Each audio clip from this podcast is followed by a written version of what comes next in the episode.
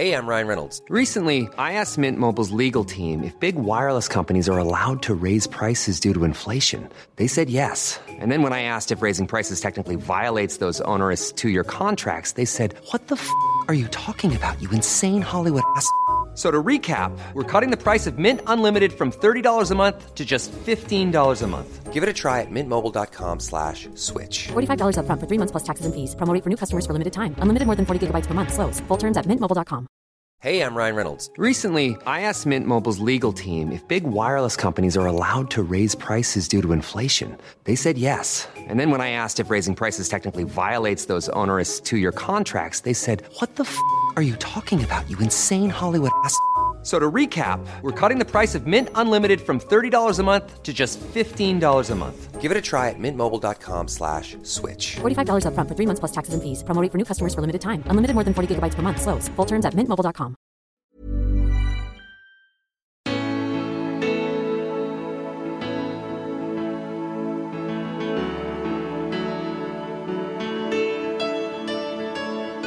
Jag var porträtterad i, i den tidens magasin som var ju eh, Månadsjournalen det gör nästan på första sidan nästan blir, det är ju som att bli kulturellt adlad och hans enda kommentar var liksom måste artiklar vara så långa?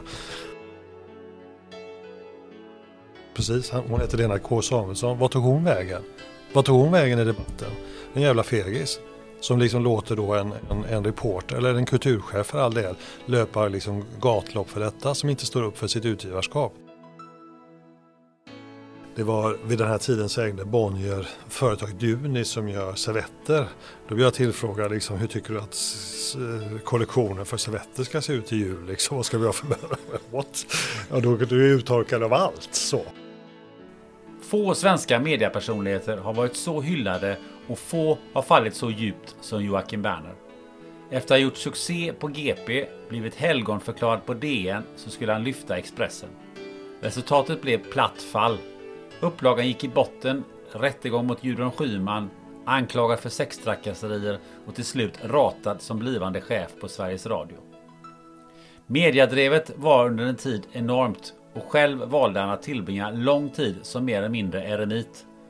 För något år sedan kom han ut med boken Den förlorade sonen. Vi snackar också om att ha total hybris, att vara både vänster och höger, att Sven Wollter pissar rött, våga stå upp för sin sak, Göteborgsandan och korruption, politiska skitstövlar, om att förstå Benny Fredriksson och tarotkort nummer 9. Joakim Berner är en man med oerhört mycket energi, vilket inkluderar rörelseenergi. Om du hör lite ljud i bakgrunden så är det händer och armar som förstärker berättelsen och som då och då, trots förmaningar, hamnar på olika delar av bordet. Hoppas du har överseende med detta.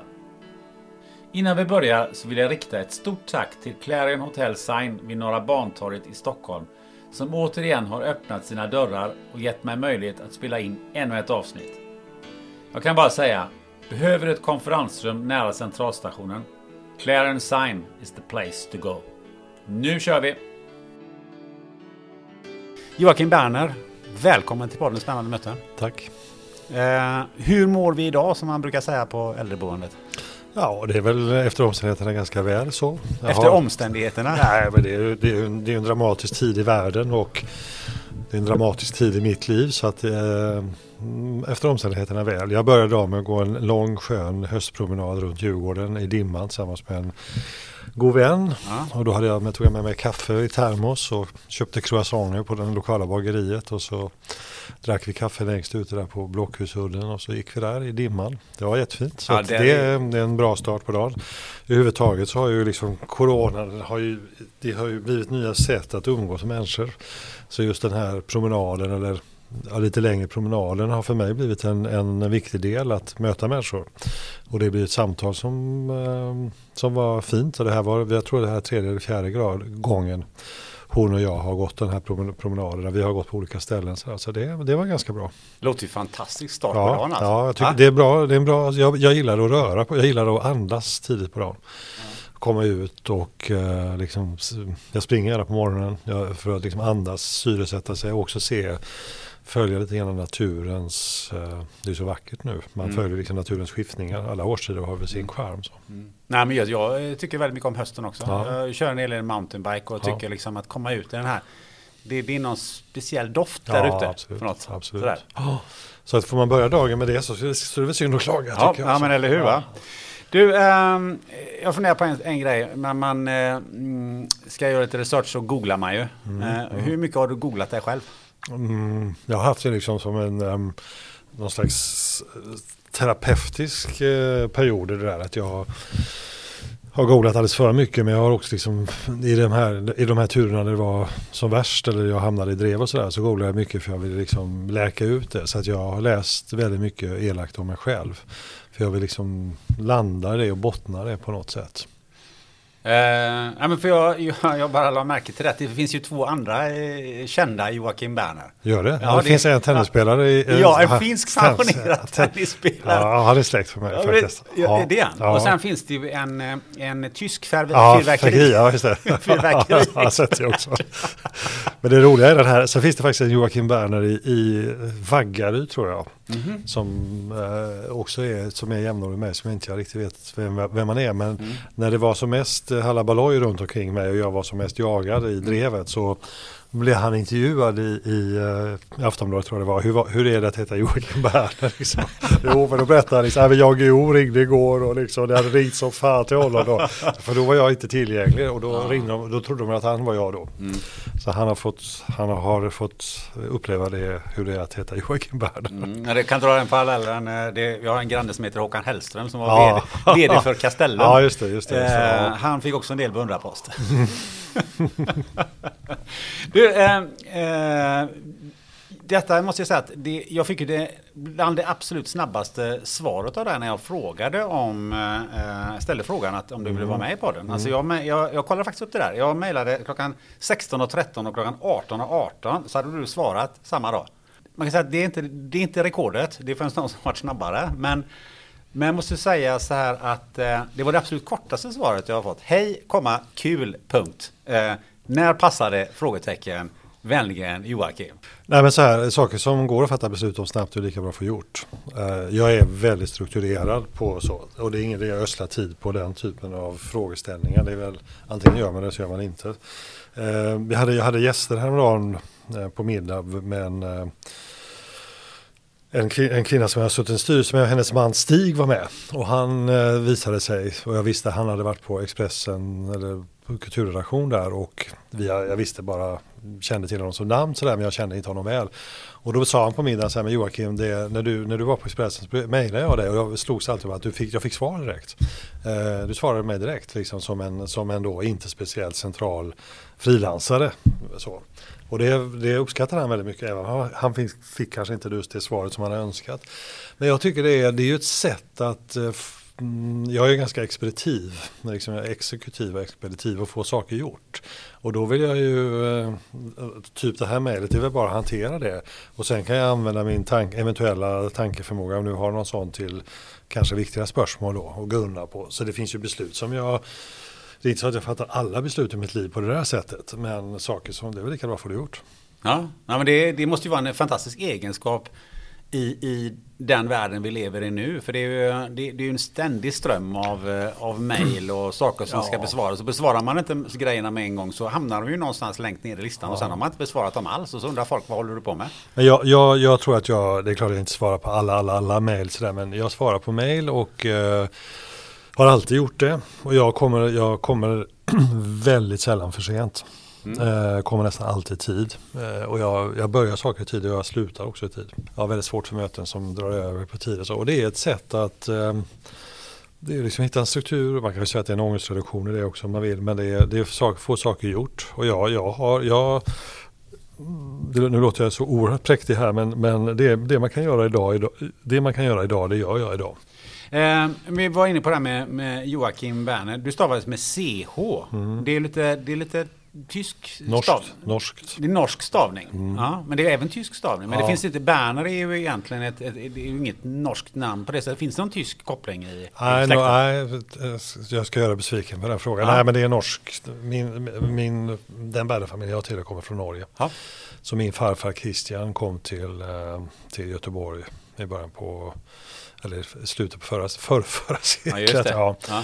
Och sen, eh, och den liksom, anfadern är i Molde som ligger uppe på eh, norska kusten. Så, så att nej, det, och det finns en eh, plats i, i, i Oslo som heter Karl Bernersplatsen.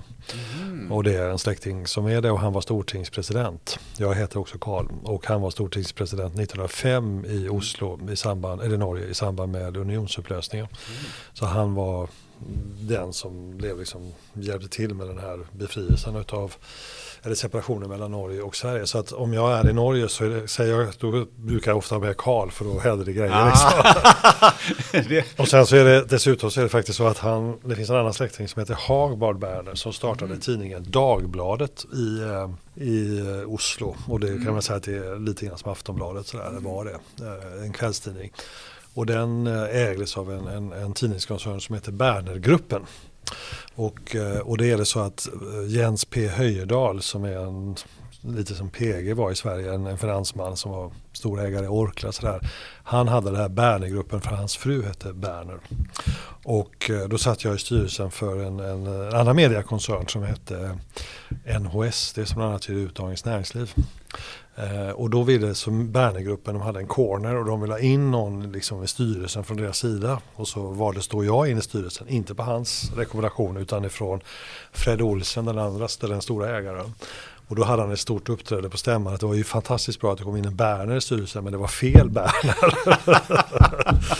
så, Ja. så Berner är ett, ett, eh, det är bra att heta Berner. Och sen finns det en annan, man kan prata mycket om det, men det är jag har ju haft mina turer med, med eh, Jan Guillou. Ja. Och eh, han, har ju, han, han har ju varit lite inne på det här spåret att jag hade någon slags tysk eh, att jag haft någon antisemit, han, han- har anklagat mig för att vara antisemit, eller inte mig men min familj, att det fanns liksom en antisemitism. Det har ju funnits en antisemitism bland handlare i Göteborg, som du kanske Ja, vet. ja, Ja, det mm. finns ju en sån historia, du vet, runt Göteborgs handels och sjöfartstidning. där. Och, och eh, det är ju helt bisarrt. Min, min farfar var ju med i liksom befrielse rörelsen i Norge under kriget. Så det är liksom en helt sjuk beskyllning och som jag också har, har jag, det har jag ut, ut, uttryckt tidigare. Men är de, i, i, eh, en av nu de här romansviterna som Jan Guillou har skrivit så handlar det om två bröder från Norge och de heter Berner. Så att någonstans har väl namnet satt sig även hos Jan Guillou. Ja. Han verkar, jag har läst alla de där böckerna, men han verkar ha någon sorts eh, konstig, eh, eh, konstigt förhållande till Tyskland. För han, han, det, det, han vill ju gärna ha med Tyskland i, eh, i hela Ja. sin historieskrivning där. Fast det, nästan känns som en hatkärlek. Jag vet inte Ja, han, har har väldigt, det. Men, eh. han har en väldigt ambivalent eh, förhållning till det, absolut. Ja, och sen så kom han till eh, Göteborg, din, din farfar, och Ja. startade eh, bolag Christian Berner. Ja. Eh, som vi ska eh, prata om lite grann senare. En annan grej som, som slog mig lite på så Göteborg, närhet så. Jag, jag bor ju i Lerum och ni hade något sommarhus i Hindås. Jag är född i Hindås. Du är född i Hindås. Mm. Var det, var, bodde ni i Hindås? Jag bodde där när jag växte upp och det fanns en, en eh, familjegård där som hette Stocköde.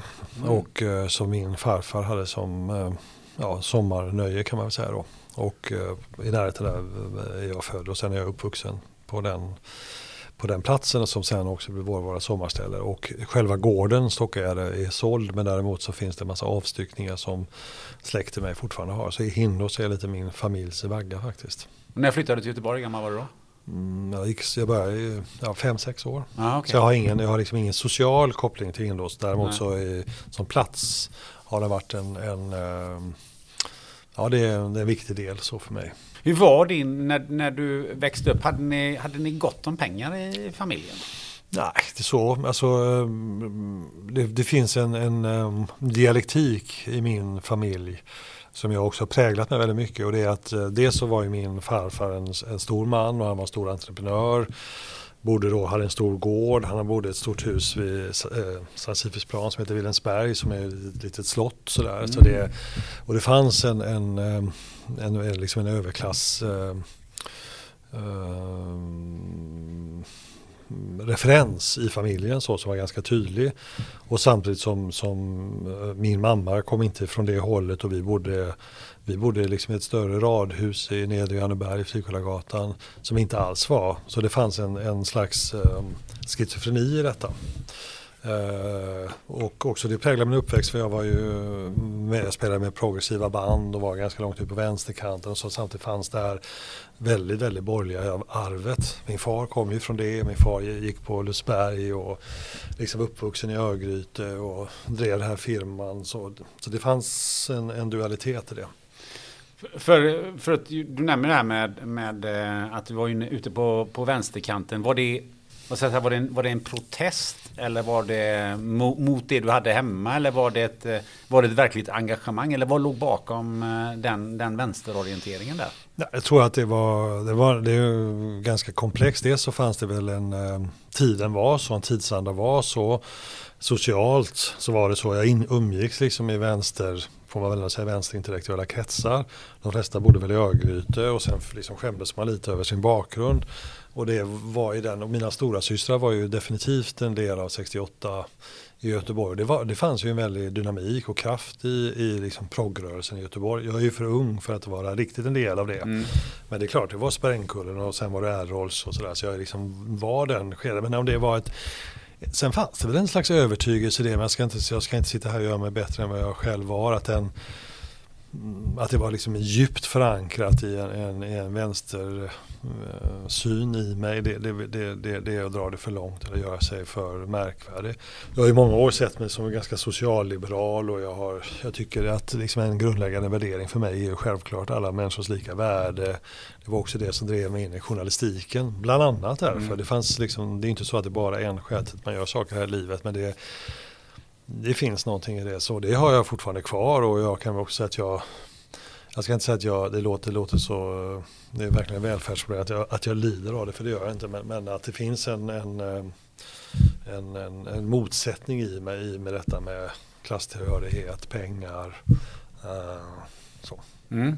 För att eh, det jag funderar på är liksom eh, vilken eh, bokstavskombination tillhörde du i? Ja, jag, jag, i det var ju, fanns ju KPMLR ja, och ja. KPML och syndikalisterna. Och, men jag, är, jag, är för, jag, är för ung, jag är för ung för det, för det var ah, liksom okay. överspelat så. Nej, men jag, har ju, jag har demonstrerat med VPK på första maj, det har jag gjort liksom.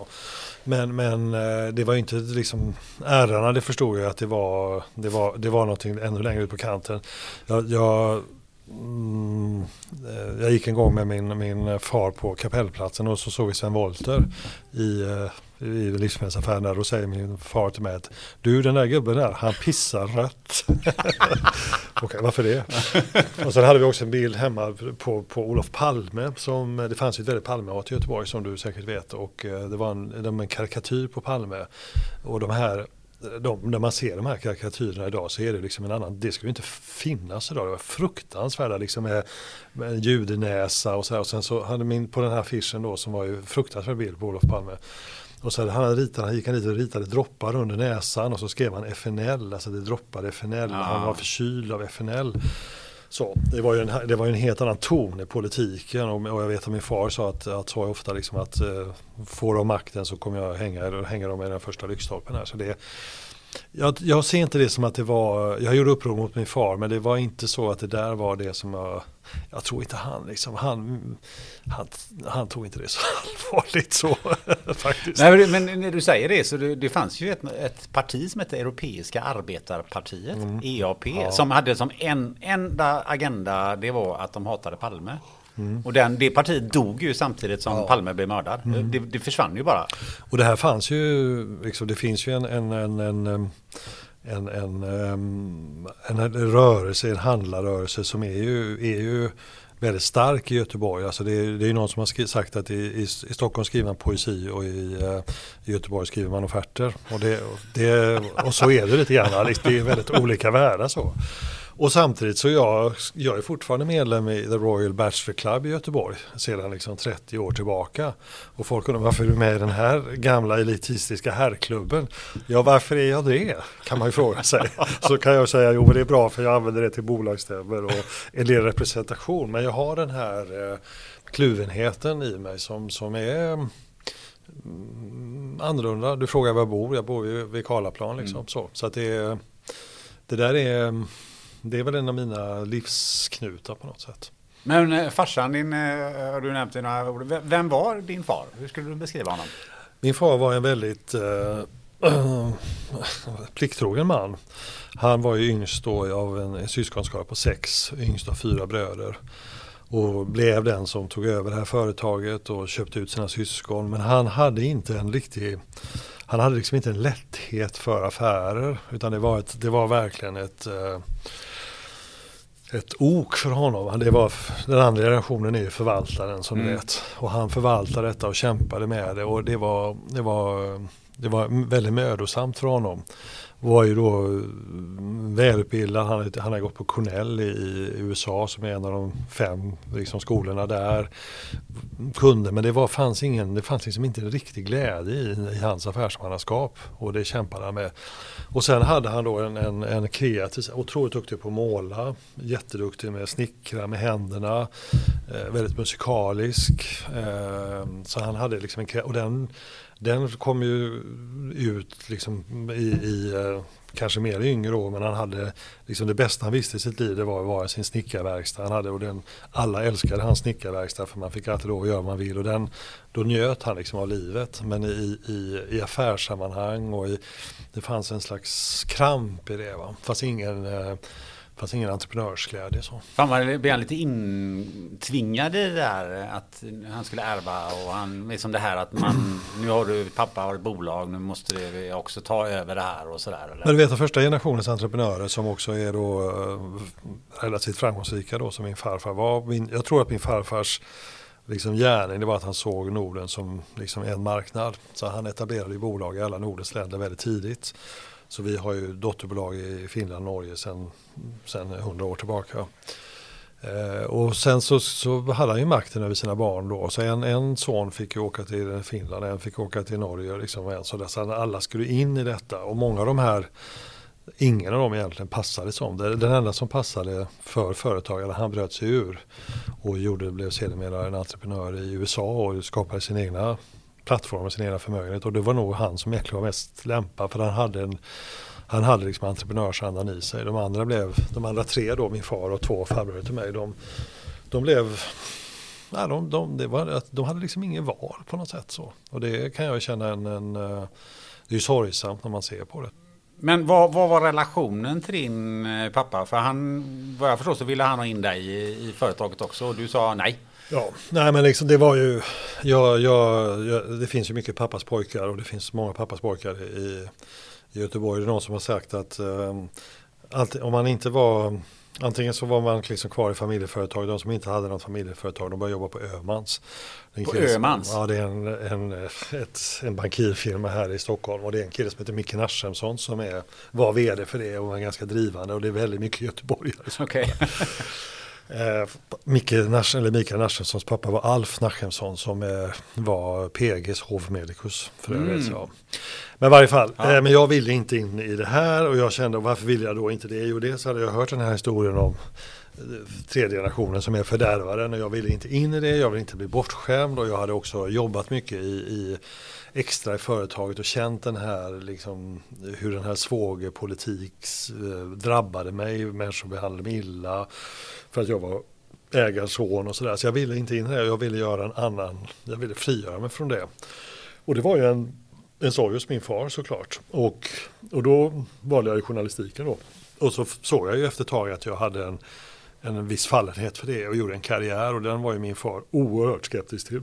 Han förstod ju inte överhuvudtaget poängen med det eh, och var ju väldigt kritisk mot det. Så, eh, mot mig. Sen har jag väl, jag väl liksom efter hans död har jag väl mer och mer sett att jag, jag, han, han såg nog eh, han såg nog mina kvaliteter men han kanske svårt, och han älskade mig men han hade svårt att uttrycka det. Så jag kan väl, när jag, när jag reflekterat över det senare livet så kanske jag var lite väl, har varit lite väl hård mot honom. Eh, för jag vet att han eh, älskade mig och jag vet att han tyckte jag var duktig. Men han hade svårt att uttrycka det. Så att eh, jag kanske har ibland utmålat honom i, i värre än vad det är. För jag kände hans kärlek. Sen gjorde jag ju en, ett, jag gjorde ju en, en, en våldsam uppgörelse med honom innan precis innan han dog, vilket jag är väldigt glad över. Våldsam upplevelse. Upplo- Ja, men det gjorde jag. Vad, vad, vad då? Nej men han, eh, han var ju, jag flyttade då och gjorde ju liksom karriär och Ja. hamnade på DN och sådär och då, då, eh, han var ju helt totalt ointresserad.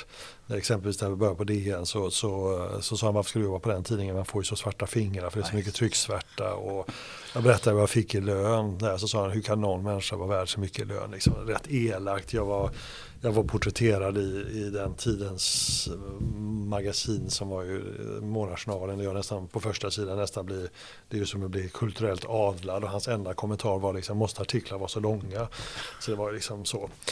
Så att han, och sen så var det så att jag gifte mig eh, på, i stadshuset här och då berättade inte jag det för honom. Och eh, när jag, jag och min, min, mina barns mor, min första fru, vi, vi gick ner till stadshuset och eh, vi gifte oss bara liksom. Du vet man beställde tid 13.22 en lördag. Just det. Och så sa jag till en fotograf på DN att du kan väl, eh, kan inte du komma ner och plåta oss?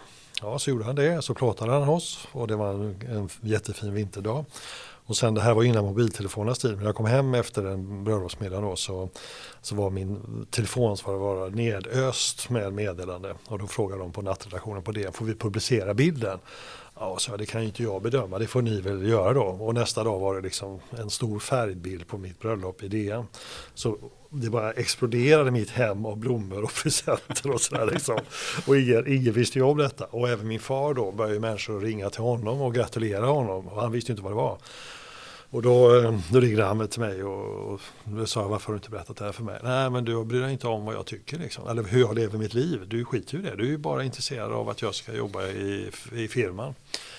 Och då kom han lite skamset upp till Stockholm och då bjöd jag honom på lunch i DNs dåvarande representationsvåning högst upp i DN-skrapan. Och liksom, då hade vi ett väldigt bra samt, klargörande samtal.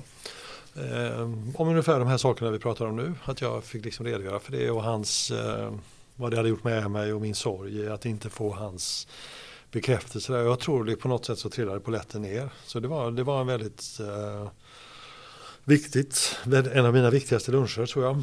Och eh, sen åkte han hem till Göteborg så dog han kort efteråt, några veckor senare. Eh, och jag är väldigt glad att jag fick det där samtalet med honom. Och jag har, jag brukar säga det lite skämtsamt, men det är en viss sanning att jag har bättre relation med honom som, som död än levande. Så jag har, nej, jag är liksom till fyllest med honom. Däremot kan jag väl säga att jag kanske har varit lite ibland i, varit lite för hård mot honom. Så. Men han Så var att- rätt hård mot dig också, säkert Ja. som barn va? Ja absolut, då, var, ja, då fick jag ju veta att man levde så. Men det, fanns, det var ju det här dubbla, jag fick ju det skriver jag i min bok att jag fick ju, liksom en, jag fick ju en snyting då och då mellan varven. Sådär. Men det fanns också väldigt mycket kärlek och vi hade väldigt lätt att liksom och hade väldigt kul ihop och jobbade mycket i skogen och målade och snickrade. Och sådär. Så det, det fanns en fanns en värme det också. Däremot så känner jag att den, liksom om man nu tar det i företagsperspektiv, så måste ju varje generation i ett familjeföretag måste ju hitta liksom sin affärsidé. Och det känner jag ju att, att eh, i det här bolaget så har jag ju liksom frigjort mig från, från hans sätt att driva bolaget. Det har jag absolut gjort och det gjorde jag inte minst genom att lösa upp ett gemensamt ägande med mina systrar som var ju oerhört känslomässigt komplicerat. Men det är, där är jag fri. Däremot så måste jag ju frigöra mig från min farfar kanske. Som är liksom en slags eh,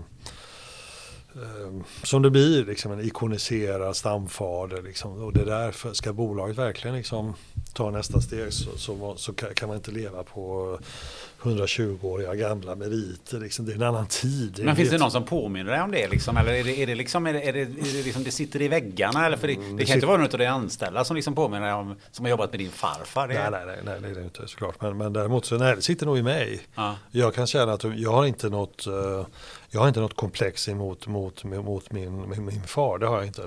Men jag kan ha ett komplex gentemot min farfar. Och liksom min farfar då, som jag nämnde, han bodde i de här liksom stora husen. Han var liksom en grandios, han tillhörde Göteborgs societet.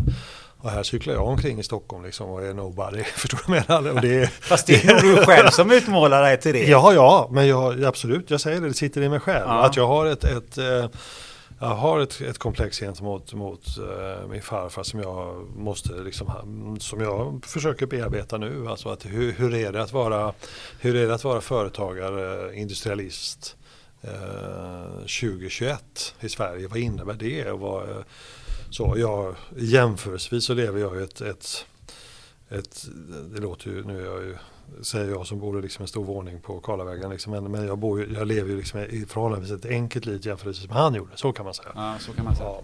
Du, men jag tänkte, din, din mamma, hon måste ju ändå inspirerat dig att eh, hamna i mediebranschen. För vad jag förstod så eh, utbildade hon sig till journalist Mm. på väldigt gamla dagar, om man ska uttrycka sig på det sättet. I alla fall relativt sett jämfört med när man brukar utbilda sig. Ja, det är lite lustigt. Jag hörde eh, den yngsta eleven i den klassen hon gick, det var Johan Kroneman som är ju en, som var faktiskt intervjuad i radion häromdagen och hon var den äldsta. Och de kom och blev kompisar och min mamma var då 36-37 och var ju direktörsfru. liksom. Ja, lite oväntat. Ja, lite oväntat så. Och sen var det liksom Jalle Josefsson och, och Johan Kroneman liksom som var där. Så, så det var ju en resa. Men, men, den, men den frigörelsen för, från, från hennes sida var väl också det som ledde till att hon lämnade min far. Eh, för det blev liksom olika världar så. Och hon, hon, min mamma har varit en, en habil, duktig journalist och har liksom levt det livet. Och, Eh, jag kan säga så här med min mamma, hon, hon är nog den mest obittra människa jag känner. För hon har ett antal gånger i sitt liv har hon tagit radikala steg och gått vidare. Eh, och hon har lämnat, eh, hon har lämnat män, hon har liksom gått vidare i karriären, hon har gjort saker och är och idag är då dryga 80 år men är liksom en harmonisk person och eh, jag tror att det är väldigt, väldigt mycket det att hon har liksom tagit ansvar i sitt egna liv, inte suttit kvar i en relation eller på något jobb och blivit bitter.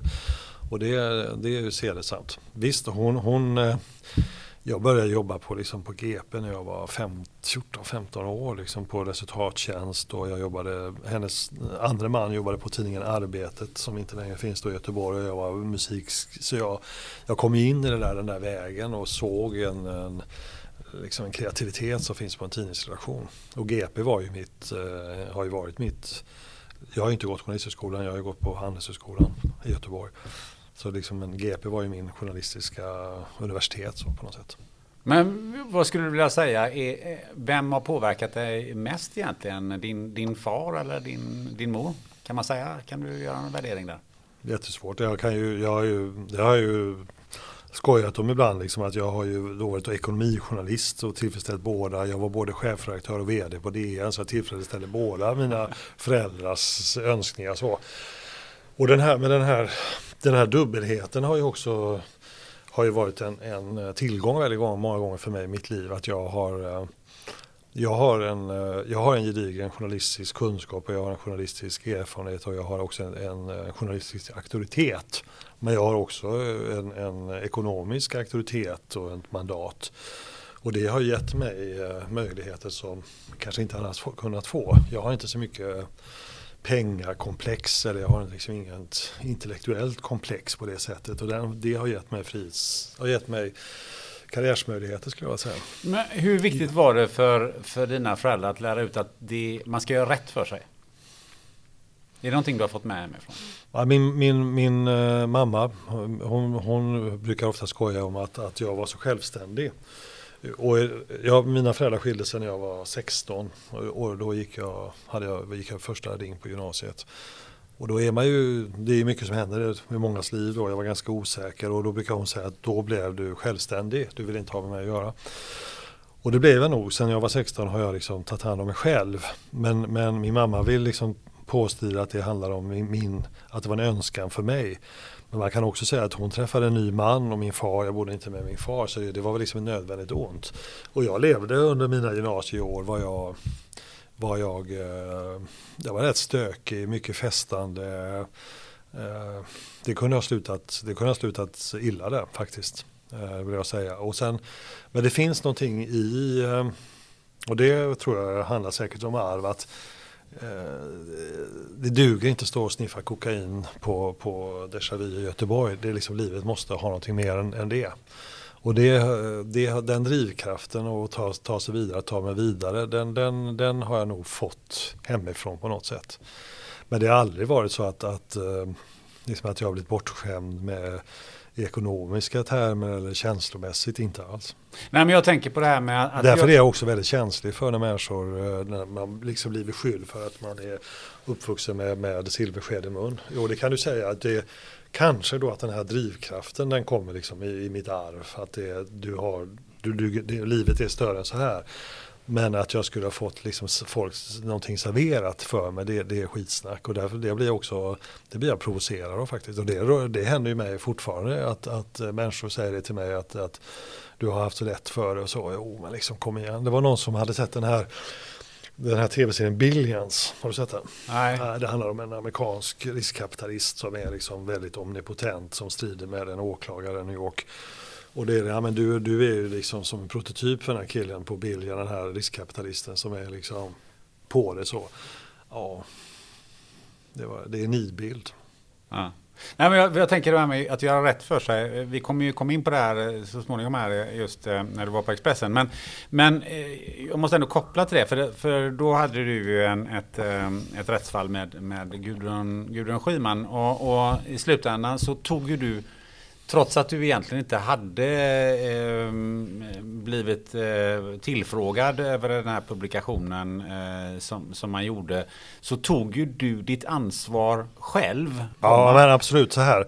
Ja, utgivarskapet är ju absolut. Och det är, är det en, en, en roll som är en person och det måste man liksom respektera. Det är 24 timmar om dygnet. Och det ligger i den rollen att liksom organisera sitt arbete och, så att man får liksom koll. Du kan inte, det, tar, det, tar, det tar 30 tidningar att läsa en vanlig DN så du kan inte läsa allt. Men däremot så måste du ha ett system så att du får till dels det som kan vara då tryckfrihetsmässigt problematiskt. Så att jag tog det skottet och dessutom gjorde jag det efter att jag hade sagt upp mig. Så tidningen visste ju om det. Och det är väl en lärdom av det där att jag sa upp mig men jag var kvar en period för att vara snäll. Och två gånger i mitt liv så har jag gjort det och båda gångerna har det slutat med förskräckelse. Att jag liksom har någon slags felaktig lojalitet mot en ägare har varit kvar. Det är en parentes.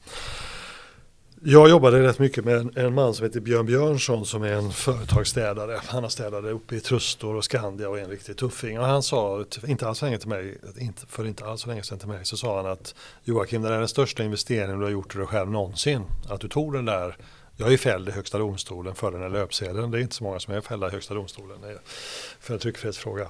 Men det var en investering i dig själv för att det gav dig liksom en integritet och det gav dig, det är ingen som inte tror att inte du vågar. Du, du står ju upp för det, du, du är siste man på båten. Och det ska jag säga att det, så är det var nog inte att jag nu, nu ska investera i mig själv. Nej, det är det där, så var det inte, Nej. utan det var, en, det var ju en, en jättepressad situation för mig och det innebär ju sen att jag inte fick jobbet på Sveriges Radio. Men, men, men det var ändå någonting i mig att inte skylla ifrån mig. Och jag ser nu, jag läste just Åsa Linderborgs bok om, om eh, publiceringen om eh, hon skriver mycket om publicering om Benny Fredriksson. Och det har hon ju fått löpa gatlopp, lopp, gatlopp för liksom Aftonbladet och sina egna texter om det. Men det är inte hennes ansvar. Vad heter chefredaktören på Aftonbladet? Det kan jag inte bra. Precis. Hon heter Lena K Samuelsson. Vad tog hon vägen? Vad tog hon vägen i debatten? En jävla fegis. Som liksom låter då en, en, en reporter, eller en kulturchef för all del, löpa liksom gatlopp för detta som inte står upp för sitt utgivarskap. Det är liksom ett fegt och dessutom så devalverade utgivarskapet så som hon agerar som chefredaktör. Jag tycker det är genant så som hon gör detta. Ja, men det var, det var intressant. Sen så en liten parentes, Ja. så, så hur allting binds ihop. Min, min dotter Henrietta, hon, hon, läser, hon läser juridik i, eh, i Lund. Jag är väldigt stolt över henne. Och då är en av, en av de första kurserna så är det tryckfrihet. Och eh, då är det, man kan välja några olika uppgifter som man ska göra något arbete om. Och en av fyra eller fem stycken ämnen man kan välja mellan är då Gudrun Schyman versus Joakim Berner i, i den här rättsprocessen. Men då sa hon till mig att äh, jag, jag valde faktiskt, jag tycker att det är principiellt intressant pappa, men hon valde då ett, ett annat. Så allting går igen. Ja, vi ska, komma, vi, ska, vi ska ta en sväng in på Gudrun eh, Schyman eh, sen i, när vi är inne på Expressen. Men, men eh, om vi hoppar lite då. Du hamnade eh, i mediebranschen eh, som musikrecensent, eh, jag tror till att börja med. Va? Men alltså, du åkte in på GP och var musikrecensent och sen gick det ju rätt fort. Vad var det för någonting man såg eh, i dig eh, från, från att vara den du var till att du, att du faktiskt tog dig hela vägen till toppen av tidningen? Nej men det var Peter Jörne då som var tredje generationens ägare, apropå familjeföretagargeneration, alltså samma generation som jag, som valde efter några år som vd att liksom, han såg att eh, liksom det centrala i en tidning är ju det, det redaktionella. Så han blev chefredaktör. Och då ville han modernisera tidningen och så såg han att den där killen, då jobbade jag med att starta kommersiell radio. Han, han, hon, honom ska vi ha. Eh, så han såg mig. Ja. Och han såg, eh, vad såg han? Han såg att jag var, hade energi, att jag hade eh, driv, att jag var, liksom kunde driva detta. Det var ju en ganska, sen var inte det, det ska komma ihåg att, då, att det här var ju min mammas gamla arbetsplats. Många av de här hade ju sett mig när jag var så här liten med min mamma så, så det var ju ett, det var ett motstånd som såg ut på ett, på ett annorlunda, lite annorlunda sätt. Så. Eh, men han såg det och samtidigt så, och det är jag honom djupt tacksam för.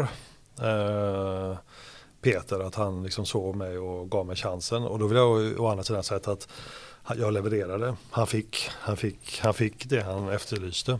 Men sen stod jag i glastaket. Alltså han, han är ju chefredaktör och äger tidningen. Så då, då ledde det mig till Stockholm. Liksom. Sen är det så också att eh, med all respekt för Göteborgs-Posten men det är, eh, DN är, liksom, det är riksscenen och Göteborgs-Posten är division 1 Västra Götaland. Liksom. Det är faktiskt så. Din, din far hade ju viss ställning då i den här bruksorten och det är lite de goa gubbarnas eh, stad och det finns ju ett, ett antal eh, Göteborgsandan och allt vad man kallar det för och Peter Jörne ingår ju i, i, i den gruppen. Fanns det, fanns det någonting som du kan se i efterhand att det fanns en fördel i att eh, där du kom ifrån eller var det liksom, hade det, spelade det ingen roll?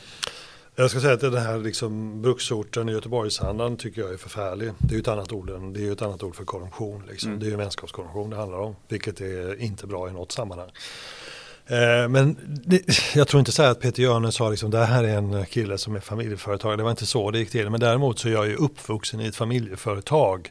Jag har ju respekt för det, jag kan det. Jag, jag liksom medveten om den dynamiken och det hade jag ju nytta av på GP och det hade jag också nytta av på Bonnier som också är ett familjeföretag. Så jag har en mm, jag har en förståelse för ägande. Men vad fanns det hos eh, Peter Hjörne som du, som du gillade? Nej men jag gillade hans, dels var ju liksom, han var ju några år äldre än mig. Liksom massa bilar liksom och sådär. Han var ju en, en eh, extrovert person så. Sen så mm, personkemin oss emellan fungerade väldigt bra. Vi hade kul ihop. eh, Vi hade lätt att jobba ihop. Jag var ju liksom exekutiv och Nej, men jag, jag, och det är en, han är en varm, mycket sympatisk, humoristisk, eh, fin. Jag tycker väldigt mycket om honom. Det var lite den, den andra delen utav, du sa det här, vi har varit inne på det här med, med eh, de, de två olika delarna. Det Ja. var liksom eh, Ja. vänsterdelen Ja. och sen kommer liksom, han hade goda bilar. Och, och, Så, nej men ja. Sen, är jag, sen har jag, jag, jag har skrivit ett, eh, det är ett porträtt i min bok på honom och eh, som jag tycker är kärleksfullt men jag har inte hört av honom sen, han har inte hört av sen jag, boken kom ut då för ett drygt ett år sedan och det är lite sorgsamt sådär tycker jag att han är det medvetet eller tror du att det är omedvetet från hans sida? Det, det Att han inte hört av sig? det tror jag är ganska tämligen medvetet så. Ja det tror jag absolut det är. Eller det, ja, det är ju inte så att om, i normala fall hade vi hörts på det under den tiden så kan man säga. Okej, Nej, men han, han känner väl sig, eh, ja jag vet inte vad han, det är väl något som inte han gillar med det. Så tror, tror jag. Samtidigt är det, många, det är väldigt många människor som har, eh, faktiskt påfallande många som har eh, berömt det på mig för det porträttet på honom, att det är välfångat och det är också balanserat. Det finns väl de som har sagt att det tycker att det har varit för vänlig mot honom, liksom med, med, det, med den liksom fallissemanget som det sen blev med GP, som jag, det gick ju honom i princip ur händerna. Så att, så att det porträttet är, men, men och det, möjligen har fått kritik för att som sagt för att jag varit för snäll mot honom. Men jag, jag tycker mycket om honom och jag har en sorg i att ja, det kanske, vi kanske har träffat för sista gången och det, det, det smärtar mig. Men sen blev det DN. Då blev det, bytte du offerter mot poesi. Ja, precis. Men vad var det ehm, vad, vad var det som gjorde att du ville till DN? Om du, du har redan sagt att det var liksom division 1 Västra Götaland till eh, säger allsvenskan eller Ja. elitserien eller vad du kallar det vad du vill. Men, men kom du dit som någon sorts, eh, nu ska han frälsa DN eller vad var din inkörsport där? Ja, alltså det, jag blev ju liksom inlyft så utav eh, högre makter så på den redaktionen. Det hade de, de glömde tala om det för redaktionen så jag, blev, jag var ju, nu blir det en väldigt dramatisk metafor här, men liksom jag blev jag blev ju liksom inkastad liksom som fallskärmsjägare in bak, långt in i fiendeland sådär. och fick liksom slå upp ett litet tält i källaren och så jobba på. Eh, och, ja, sen var ju ju liksom, de hade ju tidningarna hade ju problem med, med som nu, med minskade, eh, en allt äldre läsarskara. Det kom gratistidningarna, kom Metro, det här kom då och det var tvungen att göras ett radikalt arbete. Det var 90, mitten på 90-talet någon gång, va? Ja, det var mitt på 90-talet. Ja. Mm. Så det var ju en eh, det var ju stentufft alltså. Alltså GP var tufft på ett sätt men DN det går, det går inte att jämföra. Och det är också liksom en helt annan facklig tradition. Eh, Jag vet liksom typ så här Peter Bratt hade långa när jag skulle huruvida jag fick sitta i styrelsen för mitt familjeföretag och det var förenligt med mitt uppdrag och du vet, ja, herregud alltså. Det var ingen, eh, det var ingen lek så. Men det, då, samtidigt fick jag liksom slipa mig i mitt ledarskap. Motstånd är ju, just när, just när du får motstånd så är du ju sällan tacksam för det. Men motstånd är ju någonting som förädlar det, gör det bättre, gör det snabbare, gör det skickligare helt enkelt. Så att, eh, att vända den, eh, både tidningen faktiskt, vilket jag gjorde, och också mitt eh, min ställning på tidningen, det, det är jag mäkta stolt över. Men var uppdraget Remake DN? Yes. Det var det som var uppdraget? Ja. Men du måste ha haft en ganska tungt mot dig eftersom du inte har någon som helst journalistisk bakgrund. Det måste ju ha legat Ja, men- dig men- i fatet där, eller? Men det, det hade jag ju, jag hade jobbat som journalist i ganska många år. Liksom. Ja, men du hade liksom inte, jag, kan har inte tänka mig att säga, jag inte Journalistförbundet journalistskolan. och det här. Nej, nej, men, jag, nej, men det, det var nog lite grann så här liksom att jag var, men det, det, det såg de ganska fort att jag hade liksom en journalistisk kompetens. Eh, och jag kan säga det att min journalistiska kompetens är inga som helst andra jämförelser nu, men jag hörde en gång Benny Andersson som sa, jag vill inte jämföra med honom alls, jag vet att det är hemskt, men han sa att det är inte så att jag är så bra, duktig musiker, men jag kan höra när en melodi är bra. Och jag har samma sinne när det gäller liksom journalistik. Jag kan säga när en, en artikel är rätt eller bra eller vilket knäck som är. Sådär. Den känslan har jag. Inte för att jag nödvändigtvis kan göra det själv men jag har en känsla för vad som är liksom journalistiskt gångbart. Jag har en, om jag har några kvaliteter så är det just att se liksom det viktiga i en, jag kan se liksom det viktiga i en, i en komplex situation, vad som är essensen i det. Så. Men eh, hur, vad är det svåraste med att utveckla ett medieföretag? Det är trögheten och den konservativa kulturen. Alltså för man har gjort en tidning, man har gjort samma tidning i hundra år och så ska man göra på ett annat sätt. Det är därför också omvandlingen till digitaliseringen har varit så oerhört komplicerad på, på, på, på, på tidningar. Man tror ju fortfarande liksom att den här papperstidningen är den bärande affärsidén. Och sen råkar vi ha, nu överdriver jag lite grann, men det finns liksom ingen entreprenörsanda i, eh, i den traditionella media. Så det är enormt konservativt. Och kopplat till det vi pratade förut så är ju utgivarskapet är ju absolut. Så du, du är ju är du utgivare så ja, men jag bestämmer att detta ska inte publiceras och du kan tycka vad du vill. Alltså du har makten.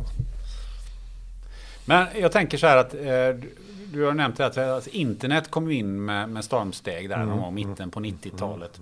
Hade det med tidens anda att göra? Att du råkade vara rätt man på rätt plats i rätt tid? Absolut. För jag tänker mig att om du hade hamnat på DN idag kanske, så kanske du inte hade, hade, hade... Tror du att du hade haft samma scenario idag som du hade då? Jag har en tillgång nu som jag inte hade då men, men absolut är det så att jag var rätt i tid. Jag var ung, jag var drivande, jag var, jag var extrovert, jag var, star, jag var också liksom media, jag var mikrofonkåt. Ja, jag liksom var intresserad av scenen, jag ville synas. Och det längtade ju liksom efter någon, eller media längtade efter någon som, var, som ville synas, som, som var liksom ung och såg hyfsat bra ut. Jag liksom, förstår du vad jag menar? Ja. Man fick liksom en, en symbol. Och den tyckte jag ju var toppen. Så det var absolut så att jag var rätt man på rätt plats. ja för det fanns inte så många sådana symboler Ja, då. det fanns inga. Nej men då var det liksom när jag kom dit var det ju tre stycken tunnare affärsbyråer som var chefredaktörer liksom. I övre medelåldern. Så det är klart att det här var något helt nytt liksom. Så, så var det. Men sen om, om jag hade blivit det, om jag hade blivit chefredaktör idag på det, så, eller på ett mediaföretag, så tror jag det som är den tillgången jag har idag, det är att vara just som utgivare att inte liksom gå med pöbeln utan att våga ha en egen uppfattning. För det är ju ett problem i massmedia att det, blir, det finns ett flockbeteende. Att man liksom, alla andra gör det så då måste du också göra det som redaktör. Du vågar inte gå en annan väg. Och det, är- det är inte så lätt kan jag tala om när liksom alla, alla jagar Benny Fredriksson för att ta det som ett exempel. Så, så är det väldigt svårt för en tidningsredaktion att säga nej, det här tycker vi verkar knepigt, vi står, vi, vi står tillbaka här. Men om du har då en, en, eh, en erfarenhet och har liksom en trygghet i din, i din publicistiska beslut så hade jag ju hade jag hållit i vissa saker bättre då, nu än vad jag skulle gjort då. Absolut. Eh, hur fungerar med media? Hur, hur kommer det sig att det känns som att man passerar en viss brytpunkt så plötsligt så är man så är man på alla släppar och på alla, i alla soffor och, och oavsett vad frågan är. Jo, men så är det. Hur funkar det där? Ja, men det, och framförallt i Bonnier-imperiet så finns det alltid någon som är eh, riks, eller som är liksom förste kreatören. Så när jag var on the top där, då fick jag ju frågor om allting. Liksom, Hur kan du hjälpa till här på Damernas Värld? Eller det var vid den här tiden så ägde Bonnier företaget Duni som gör servetter. Då blev jag tillfrågad liksom, hur tycker du att kollektionen för servetter ska se ut i jul? Liksom, vad ska vi ha för What? Ja, då, du är uttorkad av allt. Så. Och det är ju då framförallt när man är ung som jag var och man är fåfängt som jag var ännu mer då än vad jag är nu. Jag är fåfäng fortfarande. Men, och då är det svårt att stå tillbaka. Så du, jag uttalar ju mig om allt. Jag, jag kan ha synpunkter på Dunis servetter. Eller jag kom hem till mig så ska jag eh, steka lammsteken och ge recepten. Förstår du vad jag menar? Man liksom blir fångad av det där. Att man går då utanför sitt, sin kompetens. Och det kan ju bara sluta på ett sätt med förskräckelse, vilket det gjorde ju för mig. Och det här, är- om, jag, om det är någon människa någon gång som frågar mig liksom, som är i sin uppåtgående karriär, så var väldigt varsam med det där. Alltså att ägna dig åt det du kan. Och, släpper du liksom ena dagen in media in i köket och bakar eh, julskinka, så nästa gång så kanske det inte är lika gulligt när de kommer. Men då kan du inte stänga dörren för du har liksom öppnat upp för det där. Va? Ja, för, för det, du pratar ju om att bli förförd av, av rampljuset. Absolut. Och, och, Det är ett gift. men, men du hade ju mentorer också då på den tiden. Var det ingen som sa liksom, vänta nu, 33 år eh, Joakim Berner, nu, nu, nu får du liksom, tänk på de här grejerna. Det är precis det du sa nu. Nej. Varför, vad, vad var det för mentorer? Du hade ju då ändå. Ja, jag hade mentorer men de blev liksom eh, De blev också fascinerade av mig. One size fits all seems like a good idea for clothes until you try them on. Same goes for healthcare. That's why United Healthcare offers flexible, budget friendly coverage for medical, vision, dental, and more. Learn more at uh1.com. It's that time of the year. Your vacation is coming up. You can already hear the beach waves, feel the warm breeze, relax, and think about work. You really, really want it all to work out while you're away. Monday.com gives you and the team that peace of mind. When all work is on one platform and everyone's in sync, things just flow wherever you are. Tap the banner to go to Monday.com. Hey, I'm Ryan Reynolds. At Mint Mobile, we like to do the opposite of what Big Wireless does. They charge you a lot, we charge you a little. So naturally, when they announced they'd be raising their prices due to inflation, we decided to deflate our prices due to not hating you. That's right. We're cutting the price of Mint Unlimited from $30 a month to just $15 a month. Give it a try at mintmobile.com slash switch. $45 upfront for three months plus taxes and fees. Promo rate for new customers for limited time. Unlimited more than 40 gigabytes per month. Slows. Full terms at mintmobile.com. Ja. Det fanns en enda som, det var, fanns en enda som jag inte ska kalla för min mentor men som var som var eh, vågade liksom lite grann säga och det var Gustav Douglas som jag mötte i olika sammanhang. Han var den enda som vågade och han har ju också varit på DN eh, som vd liksom och hamnade i en kris där också. Men han var väl den enda, men han var aldrig min mentor så. Men han sa några saker som, som eh, han vågade säga det som ingen annan vågade säga. Så. Men det- hade du lyssnat om någon hade sagt till dig? Någon hade kommit in med ganska tyngd och sagt att Joakim det där. Eller hade du bara kört på? Ja, Skit i det det gubben. Ja, absolut. Så att det var det, det absolut så. Det Så hade det inte hjälpt med någon mentor egentligen? förmodligen inte. Nej. Nej. Men blir man maktfullkomlig också? Blir man makt? Ja, man tror ju som, som liksom när jag tog jobbet på Expressen så var ju det en, ett, ett drag av maktfullkomlighet eller liksom odödlighet. Jag trodde ju att, som du lite grann var inne på, att man liksom har en patentmedicin. Bara för att jag lyckades på det så skulle jag lyckas på Expressen. Så jag kom ju med min liksom verktygslåda som jag visste hur den fungerade och den hade jag ju skruvat om GP med och jag skruvat om DN med och nu skulle jag på Expressen och så gick det ju fullständigt åt helvete. Liksom. Men det låter ju jävligt glassigt där också. Och, men om man, om man läser din bok så, så fattar man ju också att du jobbar fruktansvärt mycket. Ja men det, du, det, det finns liksom ingen... eh, eh, du, du, det att vara utgivare, chefredaktör på en stor media, det, du, kan, liksom- du kan inte klara av det och inte jobba mycket. Det är det, det är, det är dygnet runt. Liksom. Men du, du var aldrig nära att gå in i den så kallade väggen? Nej, eh, det var jag. Jag har faktiskt aldrig varit det. Och jag, det har jag ju fått anledning att reflektera varför jag inte har varit det. Men jag, jag kan fortfarande ha det. Nu har inte jag sådär att jag, nu känns inte det som en, att jag ligger i riskgruppen precis. Men att jag kan liksom sortera bort eh, det som är, jag kan liksom, nej men nu får jag städa min kalender, nu ska jag göra det som är viktigt. Det kan jag göra när jag märker att jag närmar mig en gräns. Och så vet jag också att jag svarar ju på, på mejl på, på, på, så jag gör det, så blir jag av med det liksom. Uh, nej, jag har faktiskt aldrig varit i, jag har inte varit i närheten av att gå in i väggen. Jag, jag, jag, ska inte namnge den personen men jag åt lunch förra veckan med en, en kille som var 10-15 år yngre än vad jag är som har i andra familjen ett stort familjeimperium. Mm. Och han berättade nu under corona att de har bolag som är flera som var väldigt ansatta. Och de var tvungna kanske att sätta något i konkurs, liksom stora bolag. Eh, han har fått sitt tredje barn och så märkte han att han drack för mycket. Så liksom, och då kände jag liksom igen mig att när, när det var som mest på DN så dog min far, jag fick det här familjeföretaget i knät, jag fick mitt andra barn. Hur klarade jag av det? Liksom? Hur gick det till? Och den här killen var ju precis där ja. nu, va? i 40-årsåldern. Men eh, vi, vi pratade om, du kom till Expressen och eh, skulle då komma till någon sorts eh, Messias dit då och eh, skulle göra om eh, Expressen.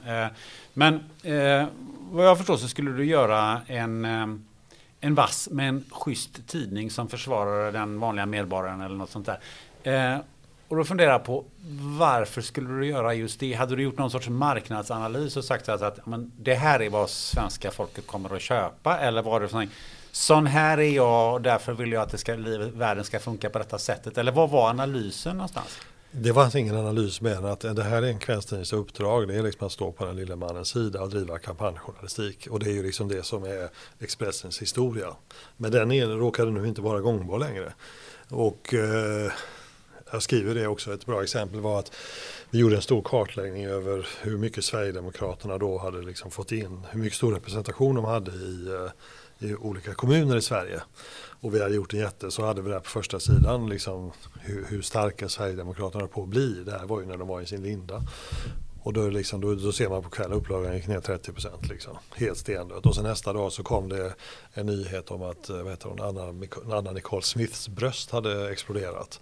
Och så var det på första sidan och går upp, då går upplagan upp 30 procent. Alltså kvällstidningen är ett, den har såklart, den har såklart en i grunden en journalistisk ambition men liksom det som säljer lösnummer är någonting helt annat. Och jag är inte den personen. Jag är, jag är tämligen ointresserad av Anna Nicole Smiths bröst faktiskt. De kanske är roliga att titta på men jag är inte, liksom, jag är inte intresserad av den typen av journalistik så jag var ju fel person.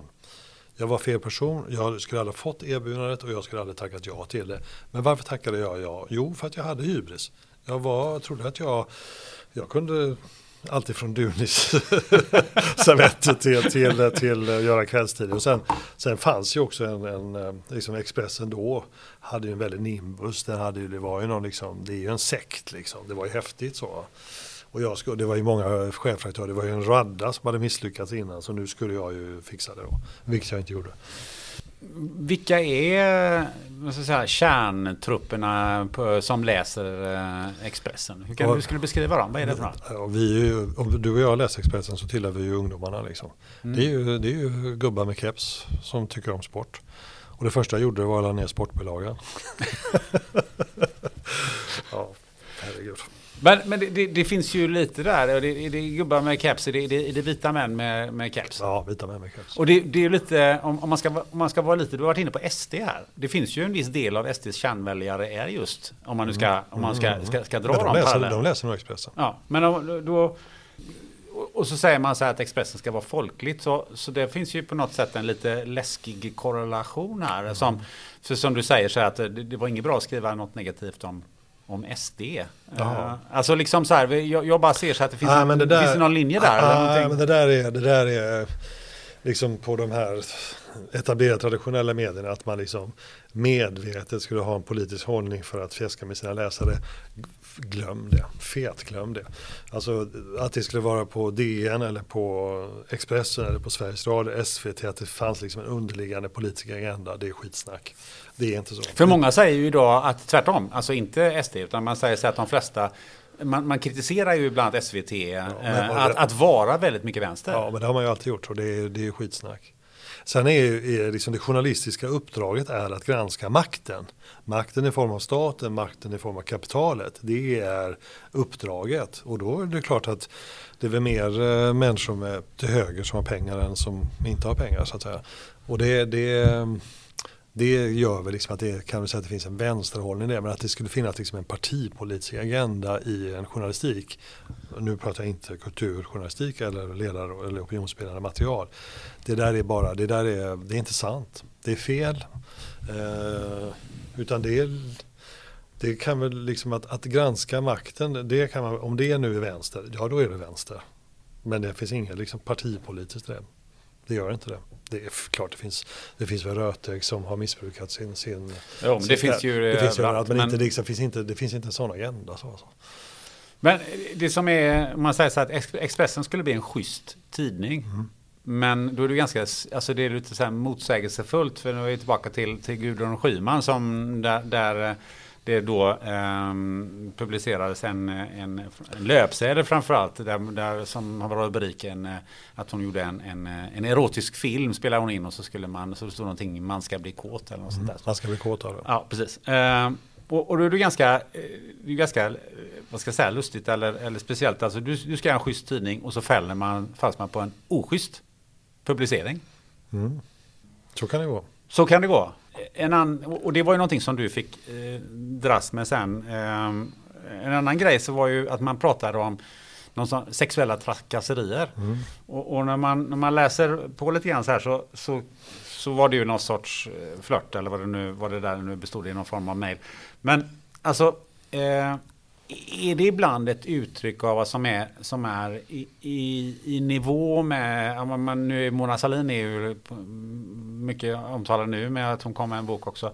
Alltså att, att det är ju som så att man, man köper Toblerone på kredit på arbetsgivarens eh, kort och så betalar man i slutet av månaden. Som liksom normalt sett vi normala människor, ja men okej, ja men äm, sluta med det där. Alltså, liksom, det, det, är ju ingen som, det är ju ingen som slår frivolter här ute.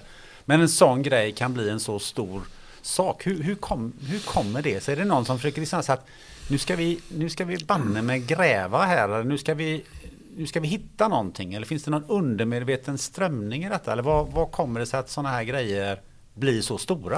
Jag tror så här att, att eh, det finns en dröm i eh, det offentliga samtalet om den perfekta människan.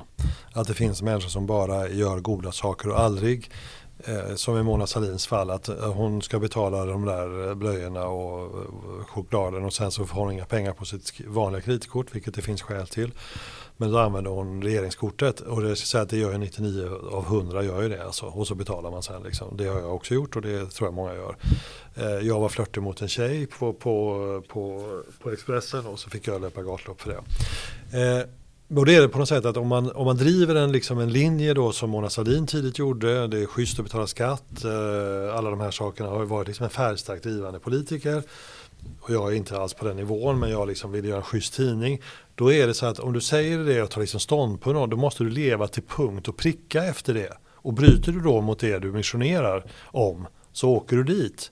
Och det där blir ett väldigt Eh, om vi ska ha ett sådant samhälle, det blir ju väldigt, då kan du ju aldrig egentligen tycka någonting om någonting. För att alla gör vi fel, även du gör fel och alla ni som lyssnar på det här gör fel. Man går mot röd gubbe, man, man åker fast för eh, vad man nu gör för någonting. Och därför så tycker jag att man måste motverka det. Att, att eh, hade, det, hade jag hamnat i en sån situation idag, det tror jag inte att jag gör det, men om jag skulle göra det, att jag skulle liksom ha stått upp för någonting och så blir jag beskylld för någonting. Så jag hade ändå liksom framhärdat min rätt att få lov att ha en uppfattning och en, en, en idé och strategi. Ja, och sen kanske jag eh, bryter mot den själv. Ja, det, det, det är så man är som människa. Och det blir förfärligt att tro att politiker inte ska kunna Alltså jag tycker, det, nu tappar jag namnet på henne precis, men den här kvinnan som nu är sossen som är landstings oppositionsråd som var ministern väldigt kort och hon åkte fast för rattfylla. Liksom. Ja, just det. Ja, Mm. så gick hon innan eh, tidningarna kom ut. Liksom. Mm.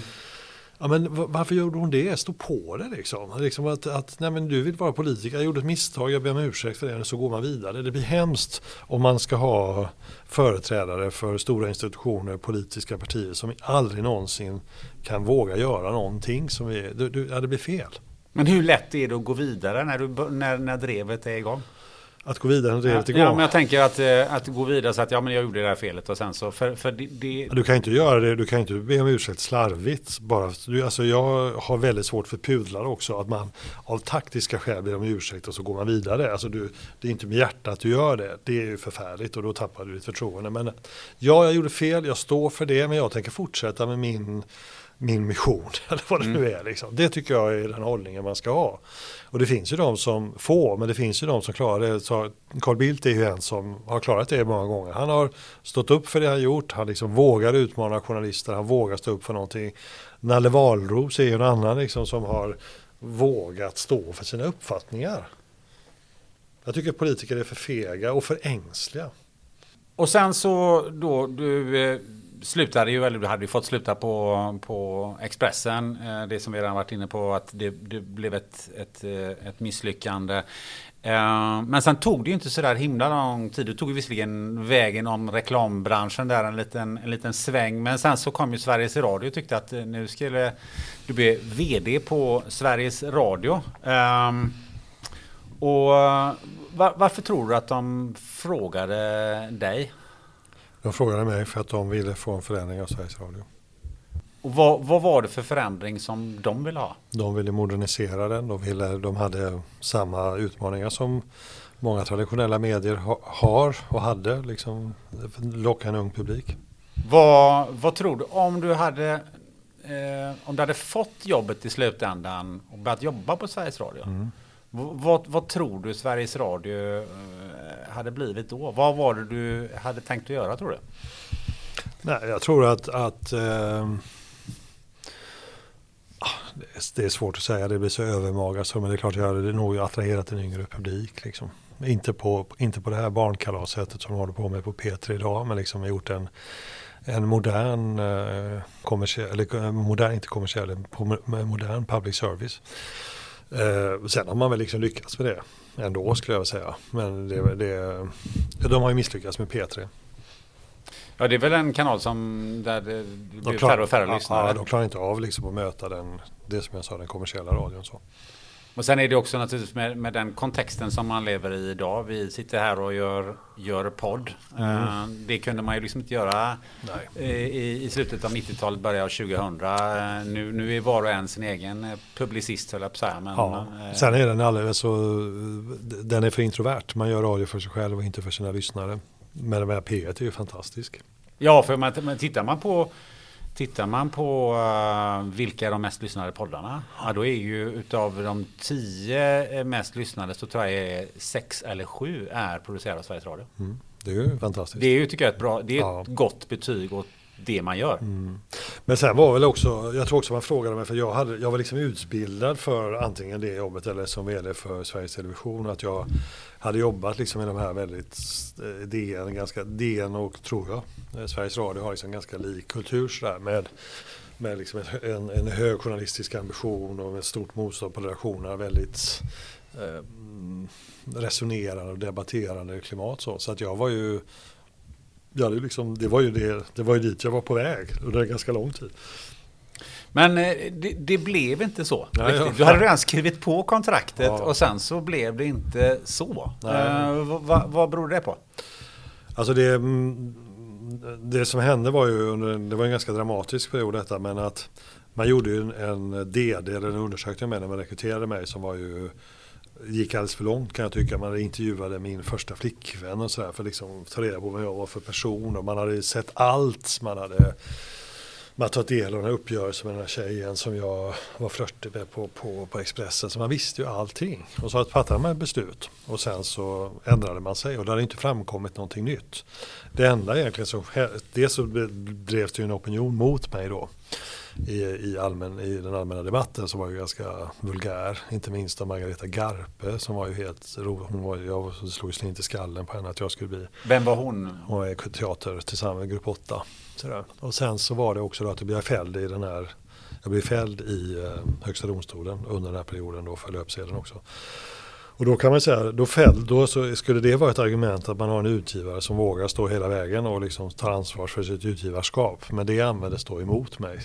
Tror jag. Men det fanns aldrig någon, det fanns ingen, det fanns inget skäl till att de backade utan det var ryktespridningen runt omkring mig. Det var ju liksom en ryktespridning, det var ju en skandalisering av mig att jag var det här med att jag var flörtig växte ut till att jag var liksom en, eh, hade, hade gjort övergrepp ungefär. Vilket är aldrig någon, den här kvinnan har ju inte sagt det men det blev liksom en bild runt omkring mig. Så det var ju en skandalisering. Så att eh, de drog ju tillbaka då. De, de, jag fick ju inte tillträda då. Men facket var emot det också? Nej, inte först, men sen var de det. Mm. Och sen, du vet, de är, det var någon facklig där som sen skulle träffa mig och be om ursäkt. Och liksom, det var också en kille som hette Thomas Rudin där som var sosse som var en jävla orm. Liksom, så. Nej, men det var, det var, det var konstigt. Men de, jag tror egentligen vad det egentligen bottnade ner till det var en rädsla från delar av etablissemanget att jag skulle, att jag skulle eh, göra om radion och modernisera den. De tyckte det var bra som det var. De hade väl kanske sina egna skäl till det. Men det fanns någon politisk uppgörelse bakom också ja, har du ju nämnt. Ja, Göran Persson, eh, det har han ju berättat för mig i efterhand att han liksom i uppgörelse med, med Vänsterpartiet då, bara jag inte kunde bli, och, jag, och det var ju också Gudrun Schyman, det är klart det fanns ett, en ilska mot mig inom, inom Vänsterpartiet då apropå att jag gått till VPKs. Ett skäl, ett skäl, ett skäl de angav var att jag hade liten radioerfarenhet. Det tyckte jag var lite gulligt för jag har jobbat ett antal år på lokalradio och jag har varit med och startat kommersiell radio i Sverige. Så det var lite sådär. Ja, du har varit med på, var det i Radio Göteborg? Ja, jag har jobbat på Radio Göteborg och Radio Värmland har jobbat några år också. Så det är inte så att jag inte ja, det var, det är ju trams liksom. Men, men det gick liksom inte. Och då det blev ju en, det blev ju en total smäll för mig när jag inte fick tillträda då och den skandaliseringen av mig som var ju, jag var ju person non grata. Jag gick ju på stan och folk snackade skit bakom ryggen på mig och jag, ja, det var, jag förstår Benny Fredriksson. Jag ja. förstår dem som, jag var, jag var inte så suicidal, jag hade liksom små barn så, där, så att det var, men det var ju det var fruktansvärt var det. Men innan vi går dit, var en fundering jag har just kring eh, alltså Sveriges Radio och, och public service.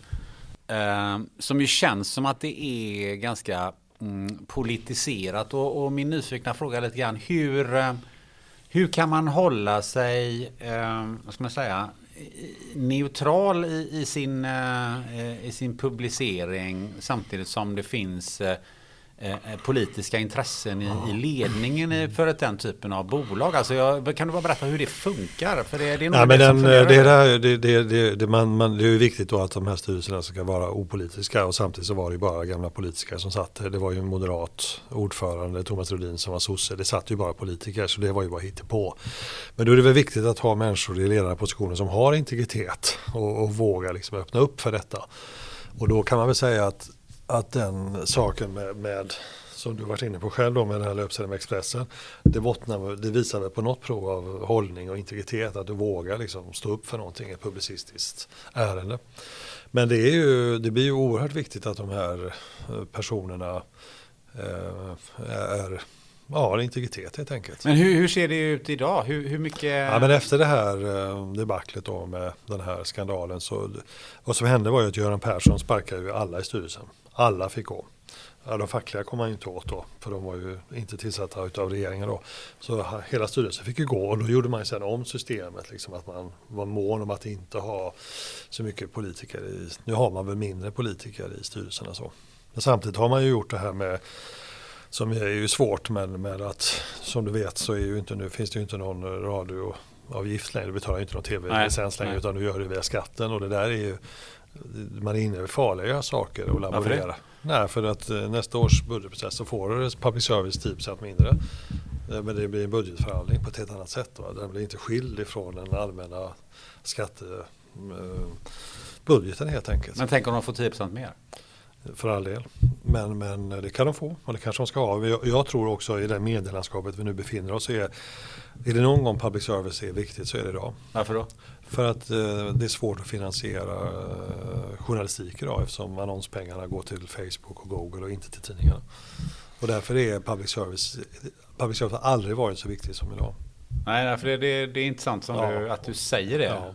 Och eh, jag är en absolut en public service-kramare av det skälet. Och det, är- det, är, det är djupt problematiskt den här förändrade finansieringsmodellen som man har nu. För att en klåfingriga politiker kan komma in och liksom styra på ett annat sätt.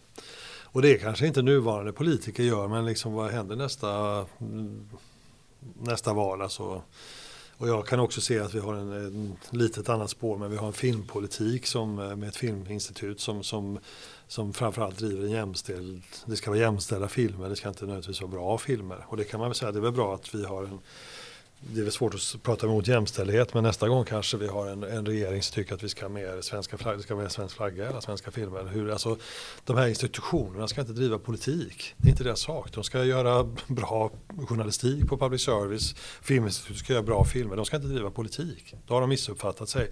Och får man då ledare som driver politiska saker för de här institutionerna, då är man farligt ute. Jag är lite förvånad över att det inte är mer diskussion om det idag. Vad var det som gjorde att, Eh, att det blev så otroligt mörkt? Var det det här att du hade varit den här omsusade personen och inte fick vara det längre? Eller var det andra som såg dig som den här personen som plötsligt tyckte att ja, ja men nu, nu, du vet, eh, högmod går före fall, det ser du, hur, och så Jante och hela den här svängen. Eller vad var det som gjorde att, du, att, att det sjönk så djupt? För att jag fick beskyllningar runt omkring mig som inte var sanna. Att jag var, att jag var en sexgalning, att jag var otillräknelig, att jag var vad det nu var för något. Att jag var höger liksom, populist eller vad det nu var för saker som använde. Att den, den felakt, den nidbilden av mig, att den fäste på mig. Det var fruktansvärt smärtsamt. Men fäste den på dina vänner också? Vissa. Det, det, blev en, eh, det blev en ganska tydlig sortering. Det, det är lite lustigt. Det var ju rätt många som försvann då. Och sen tio år senare så dyker de upp igen så här, tjena tjena. När man liksom är på gång i nästa. Men nej men det blev en väldigt, det var en, um, ja, jag blev, jag blev, eh, jag skriver om det i boken också, att jag blev jag gick ju i terapi då och jag drog ett kort som var eremit, ett tarotkort och jag blev eremit så jag isolerade mig ju helt under ett par års tid och träffade inte någon. Och jag var så paranoid att jag, även vänner som ville mig väl stängde jag ute. Så att jag, jag bröt även med vänner för att jag ville inte ha någon på, jag litade inte på någon. Eh, för att det var så många, det var många som svek mig och det var många som tryckte till mig i sidan så. Eh, och det, det tog ju, det var ju en lång läkning i den processen. Det där med tarotkortet ska jag komma återkomma alldeles strax. Men eh, jag, någonting som jag funderar på, vi var inne på det här med drev. Alltså, eh, drevet gick och det var massa, man beskyllde för massa saker. Men var inte du bättre skickad än någon annan att förstå och hantera drev? För du, du drev, var väl med och drevade alltså som, som, som chefredaktör? Som man bäddar får man ligga. Nej, men jag tänker på att, att det, Just det, därför. Att, ja, men man tänker på att du hade inte du åtminstone liksom dels en, en eh, vaccin och, eh, och en, en kunskap att hantera drev och visste att ja, men det funkar så här och, och bara jag gör så här så, så, så löser det sig. Men det är inte så. Drev är, metaforen drev är väldigt bra för det är ett, det är ett jaktdrev och de håller på tills de har skjutit dig. Alltså du, du, är, du ska dö. Det är, det är vad det går ut på. Och det spelar ingen roll om man har erfarenhet eller har suttit på andra sidan och drevat. Nej. Jag ska säga att det blir värre för att sitta på andra sidan. Så att jag, jag visste det. Att antingen, så, antingen så dör du eller så, lek, så spelar du död. Det är, det är de enda alternativen som finns. Jag spelade död i ett antal år. Och det är ju det man tar liksom nu i, i, i, i de här metoo. Det har ju varit en ganska del ganska aggressiva drev i metoo med. Och eh, de har väl, ja uppenbarligen har Ja. fått dö på några stycken. Men, men eh, det finns väl de som också har lekt döda men det, det, det, du kan liksom inte återuppstå dag på tredje dagen. Utan det, måste, det tar ganska lång tid. Och för mig tog det då ja, nästan 20 år innan jag skrev en bok. Och det kan man då säga att, att eh, det finns kritiker som säger att det här var därför jag håller på att mala om det. Nej, men för det var klart nu. Hade jag skrivit en bok efter tre, fyra år så hade det inte, det, var för färskt. Jag måste liksom få en distans till det, jag måste fria, jag måste liksom ha gått vidare i mitt liv. Vilket jag har gjort. Du, äh, äh hur, hur reagerar man hemma? Hur, liksom, hur blev du som person? Kunde man liksom eh, umgås med dig hemma? Och du hade ju en familj. Har Ja, familj. men, det, men, men eh, det här, min, min, eh, min, mina, mor, min, mina, mina barns mor, hon, vi var, jag var ju småbarnsförälder, hon var ju liksom i sin småbarnsroll så, där, så vi levde i helt olika världar. Och hon, ska vi säga, hon stöttade mig i det men hon förstod inte liksom magnituden i detta. Men det är klart vi var, vi, var, vi var på väldigt olika platser och det var väl också det som ledde fram till att hon lämnade mig. Inte för de här beskyllningarna så, för det, det är så pass välkända, men för att vi, vi var på så olika platser på något sätt och jag var, jag var inte tillräckligt närvarande i, i, eh, i hemmet och så. Så att det, ett pris jag fick betala det var eh, en skilsmässa. Eh, tillbaka till det här tarotkortet. Mm. Eh, du, du sökte ju lite till, till det här med andlighet Absolut. och, och, och eh, mysticism kan man ju säga också då. Vad, vad kommer det sig att, att eh, det blev en sorts eh, utväg? Men jag tror väl att man eh, eh, man kan ju liksom, alla, alla har vi ångest av olika skäl och den kan utläsas av olika skäl och sen så kan man ju ha olika sätt att hantera sin ångest på. Man kan ju supa, man kan liksom utveckla missbruk och så. Och då är det att ersätta det med någon form av högre kraft eller andlighet är väl en, en, bra väg att gå tror jag. Så. Och, eh, och den, jag har ju varit sökande i det.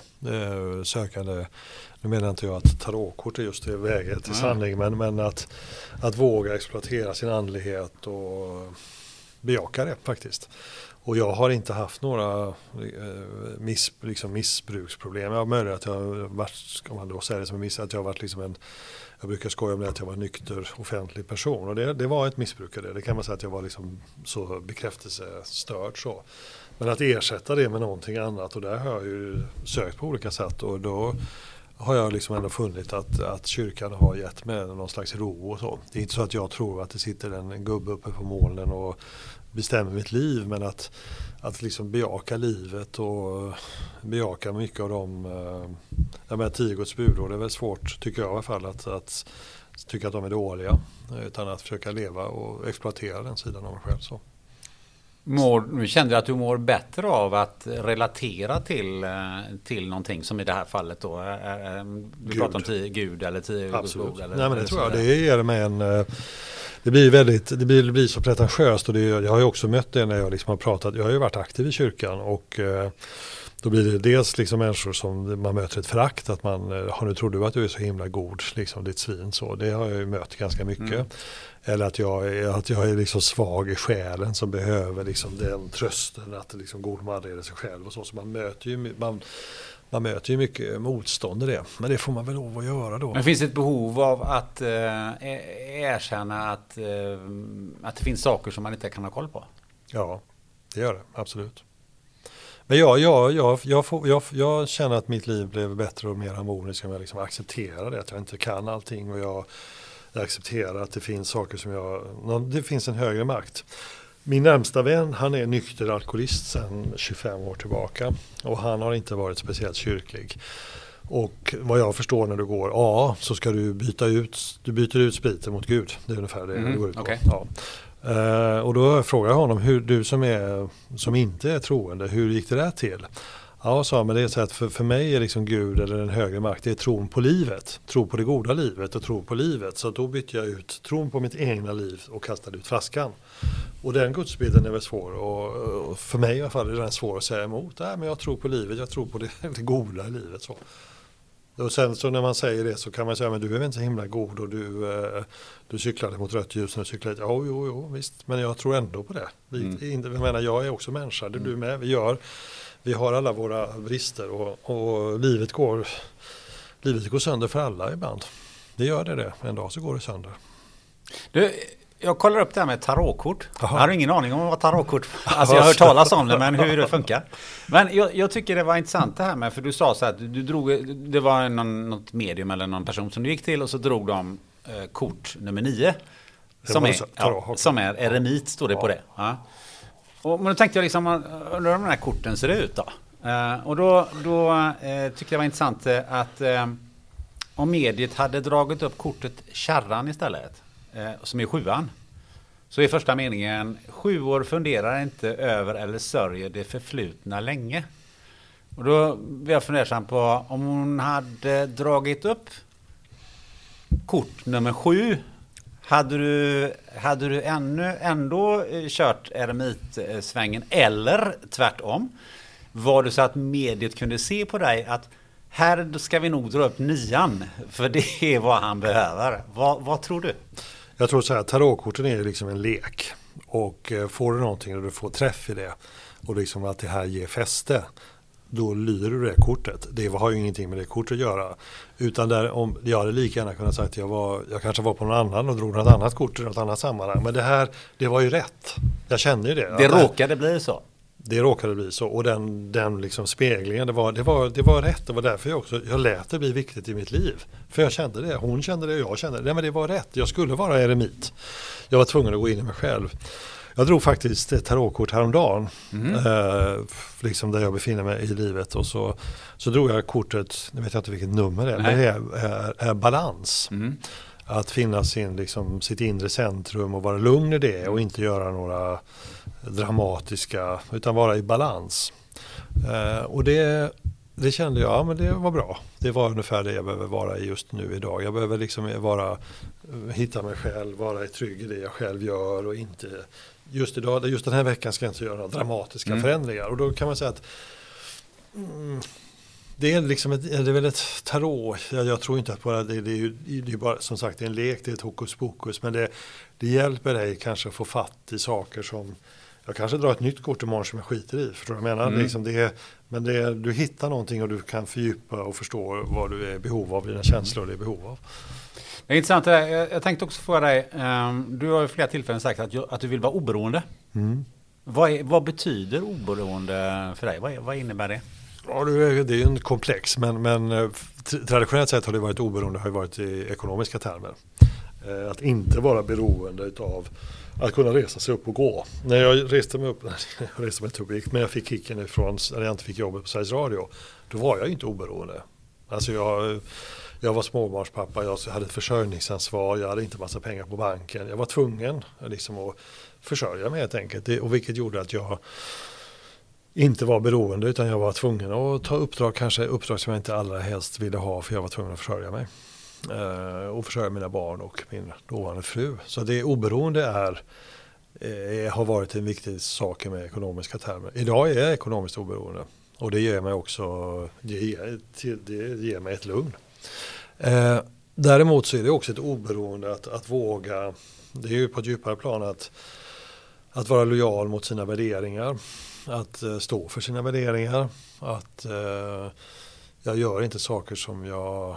Som, ja, man kan inte, man kan, eh, skulle man varje sekund göra exakt det som, styr, styr, som överstämmer sina värderingar så blir man ju rättshaverist. Men liksom att i, i stort så vill jag vara oberoende i, och kunna leva efter mina värderingar. Sen har jag som alla så har jag ju liksom sociala ambitioner och kanske rädslan för att vara ensam och eh, som påverkar mitt oberoende. Kanske gör saker som jag kanske inte riktigt vill för att jag av, av rädslor såklart.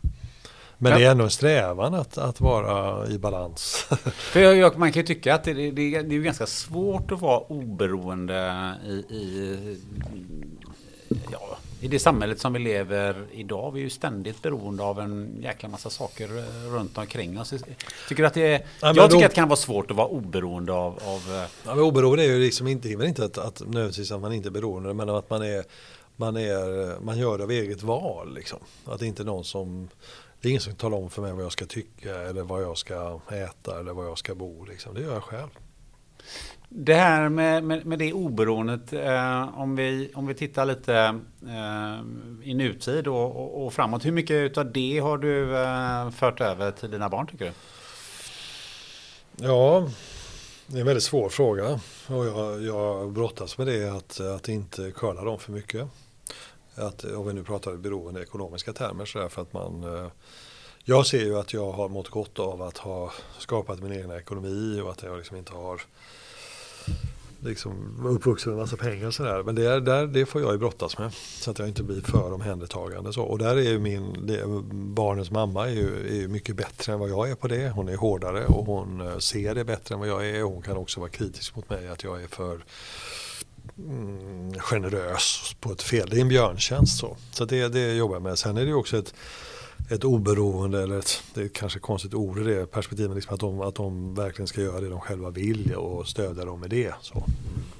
Nej, för att vi har ju varit inne på det här med, med oberoende också. att eh, eh, När du jobbade som, som publicist så, så ställde du ju också så att, att, eh, att det här är ett jag vågar ställa mig upp och, och, och ta försvar och ja, ja, min ja. Gudrun Schyman. Alltså man, man, man vågar vara oberoende, att man inte att man vågar stå för det man vill. Är det någonting också som du har fört över på? Har du varit noga med det? Det tror jag de, de har. De är, när det gäller det. det har jag tänker på integritet. Ja, det, men det, det, det, har de absolut. Bägge. De, det är de, de, kan, de, de kan ju säga till mig på skarpen när det gäller sådana saker. Men jag måste säga det när vi pratar om detta nu. Så när du ställer den frågan mm. så måste bli jag ju lite. Du har ju det på mina svar också att jag blir lite lite svajig i det liksom. Och jag kan väl också, det låter så bra att säga att man vill vara oberoende. Men jag menar nog framförallt ekonomiskt oberoende. För jag ser det klart att självklart vill jag, vill jag, är jag beroende av andra människor. Liksom i, i mina nära relationer. Jag är väldigt beroende av mina vänner. Eh, är nära mina vänner. Jag har eh, förhållandevis ganska många vänner som är väldigt viktiga för mig. Och de har jag ju, är jag ju beroende för. Liksom, och, du, eh, men eh, om du tittar tillbaka nu då på, på, ehm, på, ditt, eh, på ditt yrkesliv. Så är, det, är, du, är du nöjd med det? Så far när du sitter här nu. Du, jag, jag, eh, ehm, jag hade för, för några år sedan, hade jag, för något år, två år sedan hade jag sådana här som äldre män får. Man, man får, eh, man går ju prova sin prostata. Och så trodde jag att jag skulle vara tvungen att operera mig, vilket jag då gubevars slapp att göra för det var falskt den gången. Men då var det sån här, då fick jag en sån dödsångest faktiskt i samband med att jag fick först ett negativt besked på det där. Eh, och då, då rannsakade jag just mitt liv. Eh, om det är slut nu då när jag var 55 eller vad jag nu var. Eh, 56 55, ja. Och då tänkte jag, ja, men jag har levt ett bra liv. Jag är nöjd med mitt liv. Jag är nöjd om det, om det tar slut nu så är jag ganska tillfreds jag kan känna en, en smärta i att inte, mina, liksom inte följa mina barn. Men jag är oerhört tacksam på det rika och innehållsfulla liv jag har levt. Har jag tappat, har jag tappat geisten för, för, för framtiden då blir det en följdfråga. Det är klart det finns saker som jag vill göra så men jag är, jag är oerhört tacksam för det livet jag har fått leva. Om vi eh, börjar ju närma oss eh, slutet här, men jag tänkte på det, eh, om vi har något, något råd och tips som du, som du skulle kunna eh, dela med dig av. Alltså, vad, vad skulle du vilja säga till en person som har eh, just precis åkt på en sån smäll som du gjorde då, alltså det här med, du pratade om att ditt ego fick sig en, en, en smäll och, och och sen så hanterade du det på, och fick jobba med det. Men vad, vad skulle du, nu, nu har någon åkt på det här. Vad, vad är liksom din lärdom? Så här, så här, det här skulle jag vilja säga till den här personen. Jag skulle gärna vilja citera den här munk, före detta munken som heter, som jag aldrig kommer ihåg vad han heter, Björn. Eh, Nattiko Lindblad. Ja, som jag hörde hans sommarprogram. Och det berättades om en kung han berättade om en kung när han var på det här munkklostret och han var väldigt framgångsrik som kung.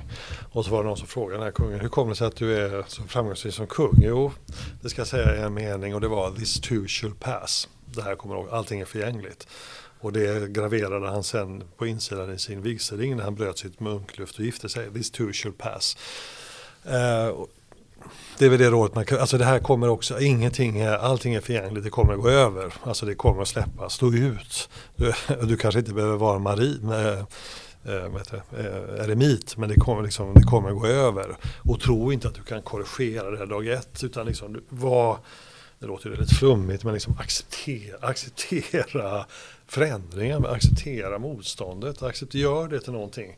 Och kämpa inte emot och, och acceptera att det är, hamnar du i ett drev så är det med stor sannolikhet en dramatisk förändring i ditt liv som sker.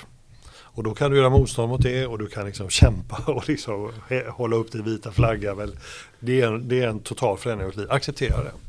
Och eh, se att det, det låter ju oerhört förnumstigt men att det också kan, det kan leda till eh, någonting som du kan vara tacksam för sen. Eh, att tro att man i drevet ska hindra drevet eller man ska rätta till eller liksom forget about it. Och sen säger jag också det rådet som jag har gjort, det har jag gett ganska många människor för just har frågat det, det är att, att eh, när du liksom är i uppgång, var väldigt noga med vad du ställer upp på. Vi pratat om det lite grann, men du kan inte ena dagen släppa in journalisterna för att du tycker det är mysigt och sen nästa dag stänga dörren. Det går inte. Så, att, och det, så var det för mig. Jag var, ju, jag var ju i tv varje dag under ett par års tid. Och sen en dag så, så var det inte så kul när journalisterna så att kom. Förmodligen så är det så här att om man tar det du börjar med frågan mig om att om jag har googlat mig själv. Lägger man ihop alla artiklar, det är ju tusentals som finns på Google om mig. Och så tar man dem, liksom graderar man från minus till plus. Så lägger man ihop det för blir förmodligen den totala summan noll. Gilla. Det finns ju hyllningar och det finns kritik. Förmodligen blir det någonstans runt noll. Ja. Men jag tänker också så här att um du har ju också vågat en jäkla massa. Du har ju också vågat eh, börja jobba på, på DN och du har också ja. vågat göra massa saker. Mm. Uh, och då kan man ju säga så här att alltså, vad skulle man kunna säga till den som vars största rädsla är att åka på en smäll?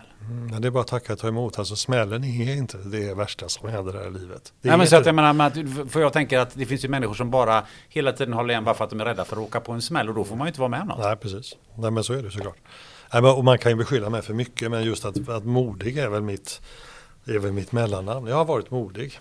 Och jag, i samband med att den här boken kom så, så, och även i den här intervjun så, så tycker jag att jag är, jag, tycker, jag är modig som säger att jag har en gudstro. Eh, och det uppfattas som oerhört kontroversiellt och jag har också fått, som jag sa, ganska mycket stryk för det. Och det, det, det var en stor artikel om det i Dagens Industri när det här liksom han har sin nya tro eller någonting var hans rubrik. Rubriken där. Och det kände jag, gulp, vad har jag gjort nu? Och det, det var för mig ett väldigt modigt steg att ta, att våga säga det. Uh, mm.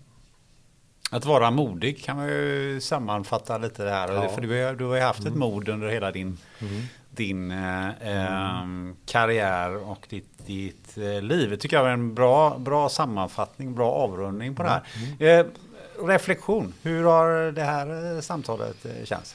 Jo, det är spännande och man, man, när vi pratar om de här mest dramatiska sakerna i mitt liv så är det, liksom, det är en annan tid på något sätt. Jag, jag märker att jag kommer in i ett, ett gammalt mönster. Jag försöker återkoppla till det där i livet. Det är faktiskt, jag tänker också att jag är, när, när vi pratar om det så här så får jag också känslan av att vad mycket gott det kom utav det där för mig. Vad, liksom, vad, vad viktigt det har varit för mig och vad det har, har, vad det har gjort mig mycket positivt i mitt liv att jag fick gå igenom det där. Och jag, jag känner väldigt, jag tror faktiskt att du som lyssnar, även du hör, det är ganska lite bitterhet för, för mig i de där frågorna då, de här smällarna, utan jag har det låter så, så präktigt eller duktigt men det är, det är liksom, jag är tacksam för det. Jag ser att det var det liksom, livet har lett mig vidare på ett, på ett fantastiskt sätt. På grund av de här motgångarna faktiskt. Det är vad jag känner när jag pratar om det.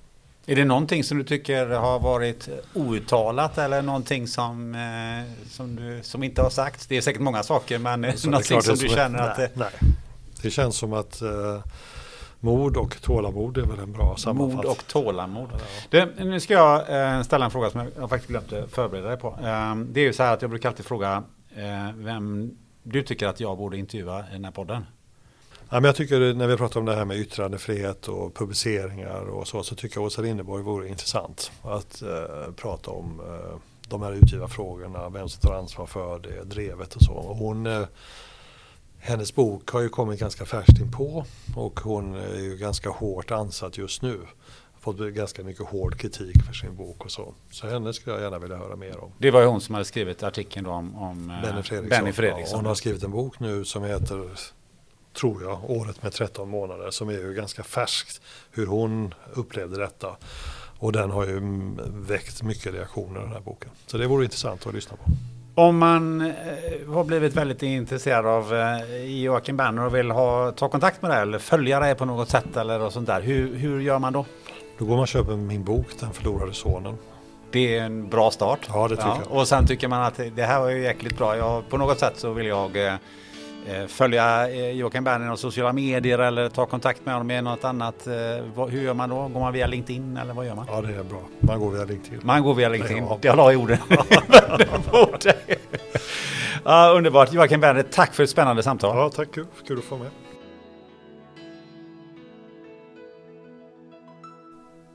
Tack för att du har lyssnat på ännu ett avsnitt av Spännande möten. Gillar du berättelser om intressanta livsöden så rekommenderar jag att du lyssnar på ett avsnitt från i våras med Kristina Rickardsson. En otrolig historia som börjar i en grotta i Brasilien, studsar rakt ner i ett midsommarfirande i vinden för att sen ge sig ut på ett helt nytt livsäventyr. Nästa gång så ska vi blanda avfall med politik. Då ska du få träffa renhållningsarbetaren Ann-Sofie Soffan Hermansson du som vet vem hon är vet också att hon tills nyss gjorde helt andra saker än att köra baklastad sopbil. Tills dess, slå dig ner med en vän, ta något att dricka och googla dig själv. Ha det gött!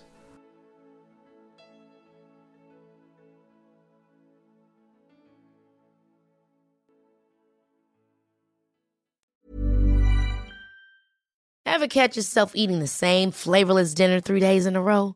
Dreaming of something better? Well, HelloFresh is your guilt-free dream come true, baby. It's me, Kiki Palmer. Let's wake up those taste buds with hot, juicy pecan-crusted chicken or garlic butter shrimp scampi. Mm. Hello Fresh. Stop dreaming of all the delicious possibilities and dig in at HelloFresh.com. Let's get this dinner party started. Hello, this is Danny Pellegrino, host of the Everything Iconic podcast, and I'm here to tell you all about Splash Refresher because hydration is mandatory, but boring is not. Now, I love my water, but if I don't spice it up, I'm not going to finish what I took out of the fridge. That's why I love my Splash Refresher, which is flavorful, delicious, bright, hydrating, and zero calories. The wild berry flavor is my fave. No, wait, is the pineapple mango flavor my fave? You know what? All five craveable splash refresher flavors are my fave because they're so delicious. So get hydrated and enjoy it with Splash Refresher.